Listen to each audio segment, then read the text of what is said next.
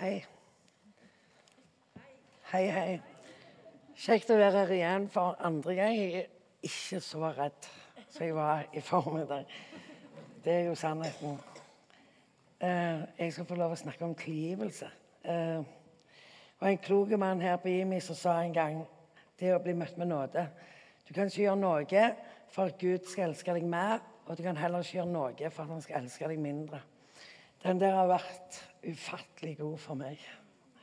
Um, for at dere skal forstå hvorfor jeg i dag er så begeistra for det med Jesus og jobber ufattelig mye med det med tilgivelse, så skal jeg fortelle dere litt fra min egen historie.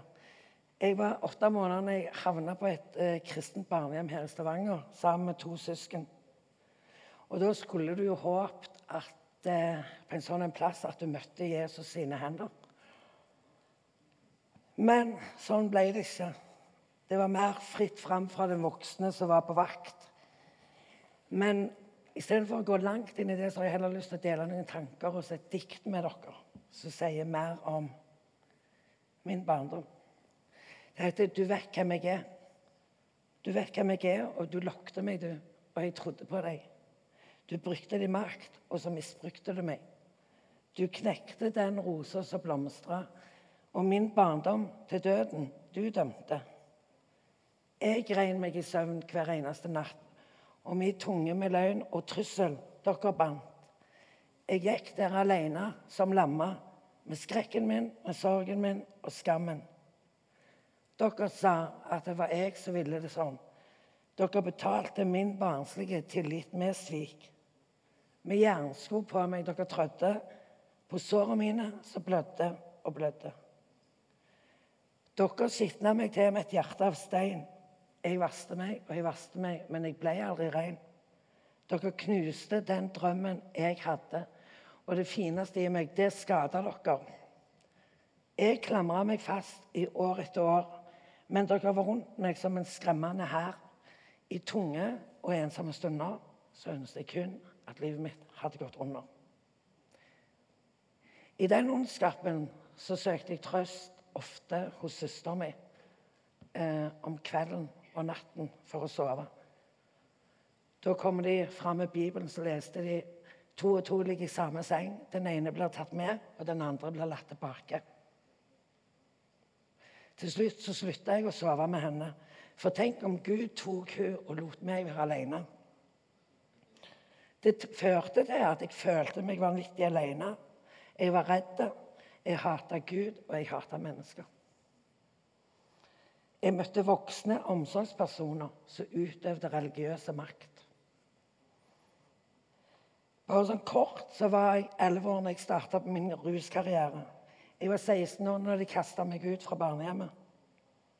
Men som 18-19-åring så møter jeg uh, hun der nydelige Irene som går her. Caven på gata.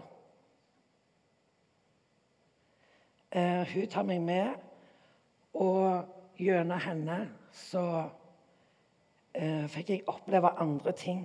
Eh, jeg bodde hjemme hos dem. Eh, og etter hvert så hjalp de meg inn på et avrusningssenter i eh, Oslo. Så jeg fikk bo der og komme tilbake igjen til Stavanger rusfri og hadde på en måte lagt totalt lokk på hele eh, fortida mi. Um, men i 1995 så kom den tilbake igjen med et enormt brak. Så fra 1995 og til 2004 så var hver eneste dag et valg om å leve. For jeg visste at eh, tar jeg livet mitt så svikter jeg de tre nydelige ungene jeg har. Og det kan jeg ikke gjøre. Jeg var så svikta sjøl. Pluss at jeg hadde Irene og Martin og venner som støtta meg og hjalp meg når alt håp føltes vekke. På den tida så konfirmerte sønnen min seg i 2004, slutten på 2004 begynte han, her på IMI. Og jeg var kommet så langt ned at jeg på en måte tenkte at det, Det jeg ser at Irene og Martin har, det jeg ser at de har på Fredens bolig, den freden de hadde Det må være noe der. Det må være noe jeg har, jeg har mista. Eh, og så begynte jeg å sjekke ut om dette her med, med Jesus virkelig var sant. Eh, er dette sant? Eh, og 21. mai 2005 satt jeg meg ned på kjøkkenet og så sa jeg at eh, hvis, hvis, hvis, du er der, Jesus, og du ikke er ondskap, da skal jeg gi deg hele livet mitt. Men, men du må vise meg at du er der. Jeg må se deg på en eller annen måte. Du må vise at du ser meg. Eh, og det skjedde ufattelig store ting. Så jeg, så jeg helt tydelig visste at dette her kan bare Jesus vise meg.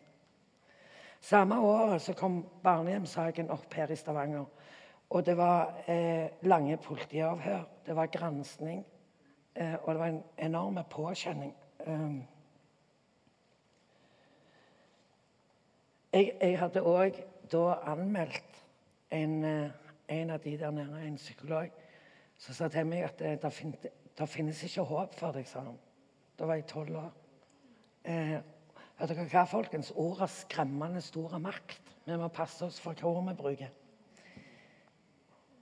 Men nå begynte en annen tid i livet mitt. For nå begynte jeg å lete etter, spørre og grave venner i, i Bibelen min. Jeg hadde fått meg en knallrød bibel um, står faktisk 'skjønnes' på den. Så jeg kom inn, inn på IMI, bok og media, svarte så bare det. Og så bestiller jeg en rød bibel, og så spør de For jeg skulle ha en gullskrift på den, og så sa jeg at det skal stå 'Skjønneste'. Sa de ingenting. Ja vel, så Jeg har den dag i dag ikke skifta bibel, for jeg syns jeg er så glad i den. Men jeg begynte å lete. Og så begynte samvittigheten å, å, å trykke borti meg. Eh, jeg hadde ikke hatt samvittighet så veldig mye før det. Jeg, jeg begynte å kjenne at det, jeg, jeg, faktisk sårer mennesker med måten jeg er på. Uh, så fikk jeg tips om at For det plagte meg mye av alle disse tingene jeg hadde gjort opp gjennom tida. Uh, at jeg kunne skrive ei liste trengte ikke fortelle noen hva jeg hadde gjort, men jeg kunne skrive en liste på hva ting jeg hadde gjort, eller mennesker jeg følte ting de hadde gjort mot meg. Eh, og jeg gjorde det. Og det var en vanvittig lang liste. Eh, og så fikk jeg lov å brenne det. Jeg tror det er det nydeligste bålet jeg noen gang har sett, for det det brant så fort opp. Så det var ingen som kunne lese det. Men Gud visste det.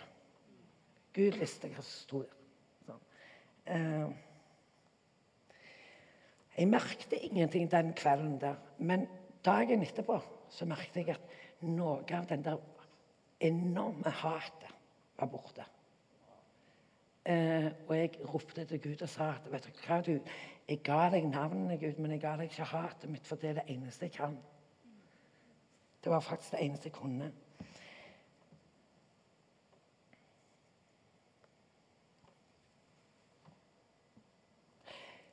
Jeg leste og jeg leste, og jeg husker det ble påske, og jeg satt alene og leste. Og dette, selv om jeg hadde brent det der bålet, så var likevel dette med tilgivelse noe jeg sleit med.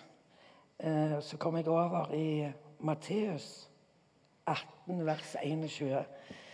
Da gikk Peter til han og spurte, 'Herre, hvor mange ganger skal min bror kunne forgå seg mot meg, og jeg likevel må tilgi ham?' Så mange som syv ganger, spør Peter. Så svarer Jesus nei, ikke syv ganger, men 70 ganger syv. Nå fikk jeg lite godt i matte, men jeg vet at det er 490. Lenger nede i fortellingen så møter vi han som er blitt frigitt 100, nei, 10 000 talenter. Ganger med det så er det 60 millioner dagslønner for en arbeider på den tida. Han hadde ingenting å betale med. Herren ville da selge han med kone og barn for at han skulle betale tilbake gjelda. Tjeneren kasta seg ned for han og ba. Vær tålmodig med meg, så skal jeg betale alt tilbake igjen. Da syntes Herren synd på han og lot han gå. Utenfor møtte tjeneren en av de andre tjenerne så skyldte han kun 100 denarer, altså 100 dagslønner. En dråpe i havet i forhold til hva han sjøl hadde blitt sletta. Han tok strupetak på han og sa, 'Betal meg det du skylder.' Herre, øh, den andre, betal meg det du skylder. Hvor er jeg henne? Han tok strupetak på han og sa, 'Betal meg det du skylder.' Tjeneren kastet seg foran han og sa, 'Vær tålmodig med meg, så skal jeg betale.' Men tjeneren kastet han i fengsel, og der skulle han være til alt var, hele gjelden hans var betalt. Andre tjenere som så dette, gikk til sin herre og fortalte alt. Herren kalte tjeneren til seg og sa, 'Din usle tjener, jeg etterlot deg hele din gjeld fordi du ba meg om det.' Burde ikke du være barmhjertig mot din bror? Herren ble sint og heiv han i fengsel til all gjeld var betalt. Slik skal òg min himmelske Far gjøre mot hver og en av dere som ikke tilgir deres bror. En viktig ting her, det er at å tilgi betyr ikke at det var greit, det mennesker gjorde mot meg eller mot dere. Men at vi kan få lov å bryte de båndene som er mellom de som krenker deg, og deg sjøl. Jeg hadde nå blitt kjent med en kjærlig Gud. Det gikk faktisk år der jeg hadde én Gud i hodet mitt som var ond. Jeg hadde én Gud som var god. Og de to sloss. Til slutt så vant den gode. Nå hadde jeg lært om en kjærlig Gud, ikke den guden jeg lærte om som barn. Ikke han som straffer. Det var mye inni meg jeg verken hadde mot, tanker eller krefter på å tilgi. Men så var gleden inni meg over å sjøl ha blitt tilgitt, enormt stor. Eh, og mange ganger så leste jeg i Jesajas 43, der det står Ja, jeg er den som utsletter dine misgjerninger for min skyld. Dine synder kommer jeg ikke med i hu. Jesus, han glemmer. Når vi ber om tilgivelse, så glemmer han. Uansett. Og det var nå jeg hadde da valget. Ville jeg tilgi? Men mest av alt, hvordan skulle jeg finne mot til å gjøre det? Noen av de menneskene eh, klarte jeg å tilgi kun med hodet. Som et valg jeg gjorde. Det datt ikke ned i hjertet mitt. Men tilgivelse har vært en prosess jeg har måttet jobbe med hele veien. År etter år. Og jeg minner meg på valget jeg sjøl har tatt. Eh, et eksempel på, på, på det jeg. Så jeg er litt liten, så jeg hopper opp her, jeg.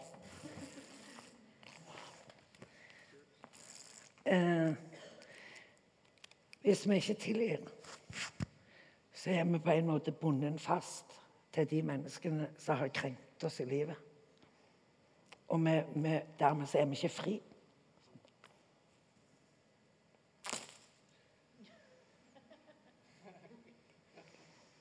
Fantastisk. Det var fantastisk. Han skulle fire til deg. Det vil si at i Galaterne 5 så står det til frihet har Kristus frigjort oss. Med en tilgivelse kan du leve i den friheten som Gud skapte oss til. Så Han har skapt oss alle sammen til. Vi er ikke bundet til noen. Vi er bundet opp til Han, men vi er ikke bundet opp til mennesker. Og uansett om det kommer tilbake igjen hat og bitterheten, for den vil komme. Jeg hadde løyet til dere hvis jeg hadde sagt at det er der ikke. For den kommer.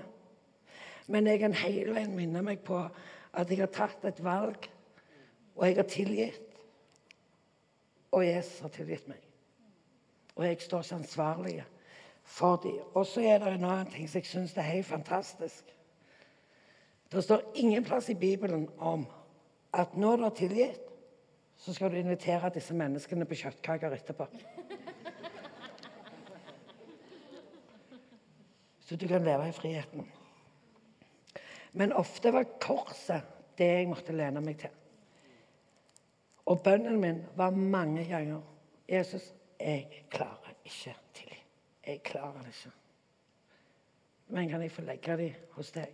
Kan du tilgi for meg? Og på den måten så fikk jeg gå min vei. Eh, og så er det noen mennesker som kanskje har sunket ned i hjertet mitt at jeg kjenner jeg er fri. Og så er det noe jeg stadig jobber med. Men jeg vet allikevel at eh, Jesus har tatt det. Ofte var kampen min eh, Hvordan skal jeg tilgi Gud? da?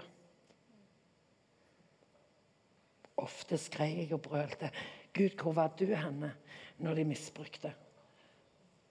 Du som var allmektig, hvor var du, Gud?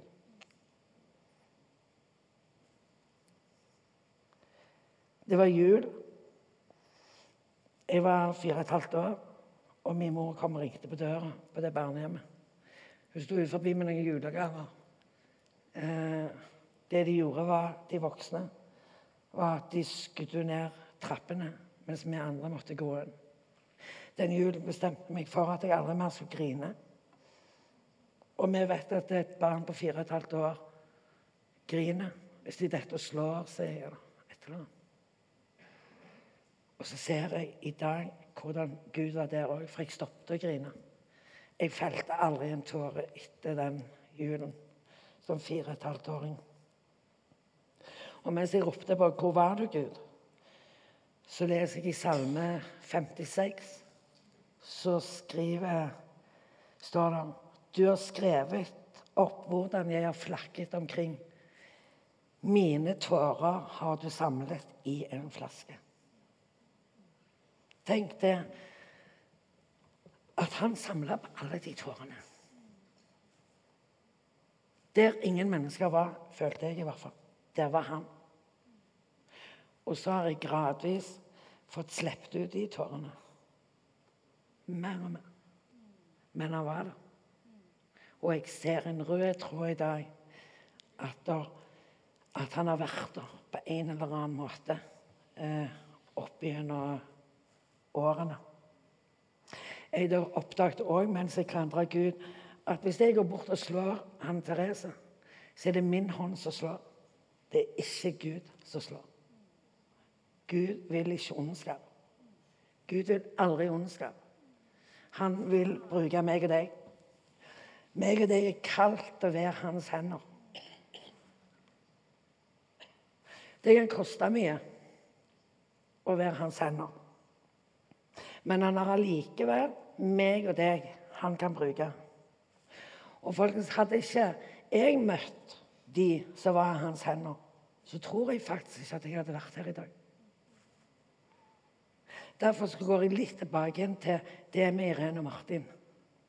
Fordi at eh, de møtte meg som tenåring, og de har stått der år etter år etter år. Og jeg vet at de ikke svikter. I dag vet jeg at de ikke svikter. Men jeg var så ødelagt at fram til Irene var 50 år, på hennes 50-årsdag Hun hadde mange ganger sagt til meg 'Jeg er glad i deg, Inger'. Og jeg svarte jo ikke. Jeg lo som regel. For jeg var alltid beredt til å gå. Sånn. For det at jeg skulle gå før hun, før hun svikta. Som når hun ble 50, og hun var 24 når hun traff meg, så klarte jeg for første gang å si til hun, 'Jeg er ufattelig glad i deg'. Hvordan Jesus helbreder sjelen innvendig. Om igjen og om igjen. De viste meg enorme tillit. Og de viste meg enorme respekt. Nettopp med dette her at de aldri preste Gud på meg. For det var ikke det jeg trengte. Jeg trengte ikke Gud. Jeg trengte å se mennesker som var på en måte Gud. Og det respekterte de. Fantastisk. Og jeg skulle ønske at alle vi som var her inne, fikk oppleve den samme friheten. For det, er ingenting som er for stort eller for lite for Gud. Jesus han er raus, han, og han lar oss gå i, i vårt eget tempo. Jeg har snufla så mange ganger og følt meg så bedreden. Og så har Jesus bare sagt til meg jeg er der, jeg går med deg, og ingen fordømmelse. Jeg har fascinert meg veldig mye over dette med, med korset og den veien Jesus gikk. Eh, og eh, det kanskje Nå er jo IMI sånn sånn frittalende, da, at de, de, sier jo det de tenker, så da sier jo jeg òg det. Eh, men når vi så den der 'The Passion of Christ', så var det så veldig mange som eh, fokuserte på dette med, med Jesus' smerte. Altså den ytre smerten til Jesus. Sånn. Og inni meg så tørde jeg ikke si det, men jeg tenkte egentlig at eh, alle mennesker klarer jo det. Alle mennesker kan tåle en sånn en smerte når du har skrudd helt av. Når det ikke er mer følelser inni deg. Så begynte jeg å tenke på eh, den der indre smerten. Den der indre angsten som vi har. Der når klørne river deg sånt innvendig. Når angsten kryper oppi deg, og du bare kryper sammen, for du er så dødsredd. Og så tenkte jeg han bar det òg. De kasta det òg på. Og ikke bare min, men alle. Alle som Gud fader meg, for en smerte. For en vanvittig smerte. Og for en venn for en venn som gjør dette. Som tok den driten på seg for at vi skulle gå fri.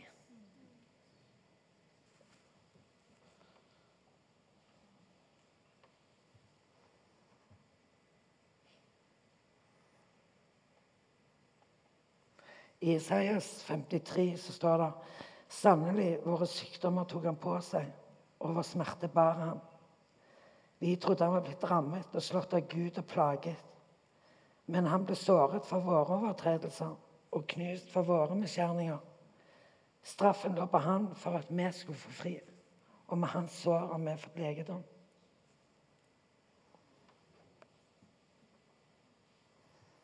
I den kraften får vi lov å leve i den friheten. I en vanvittig frihet så er tilgivelse en livslang prosess. En prosess jeg i hvert fall jobber daglig med. Jeg har tilgitt, jeg har brutt bånd, men jeg må stadig minne meg på det. Jeg møter mennesker jeg ikke syns det er kjekt å møte. Jeg vet allikevel at jeg har brutt båndene nettopp fordi at jeg fikk lov å si 'Jesus, ta det'. Kan jeg legge det hos deg? Dere sitter her inne kan ha et helt annet liv enn jeg har hatt. Men vi har alle et valg. Vi har alle valget på hva vi vil gjøre. Vil vi leve i den friheten? Og mitt ønske er at dere òg går inn i den nærheten med Jesus at dere snakker med ham. Kanskje dere òg kan skrive ei liste over ting. Men å gi det fra seg, sånn at du slipper å gå og bære på det. For hans vei til korset, det var for å sette deg og meg i frihet. Jesus, takk for at du er friheten og beskyttelsen Takk for at jeg får sette ditt kors mellom meg og alle som har lytta her i kveld. Jeg ber om at alt jeg har sagt og gjort som ikke har sine kilder i deg, faller dødt og virkeløst med korset ditt. Takk for at alt jeg har sagt og gjort, og som har sine kilder i deg, vil vokse i kraft og til din ære. Takk for ditt levende år og beskyttelsen i ditt kors. Amen.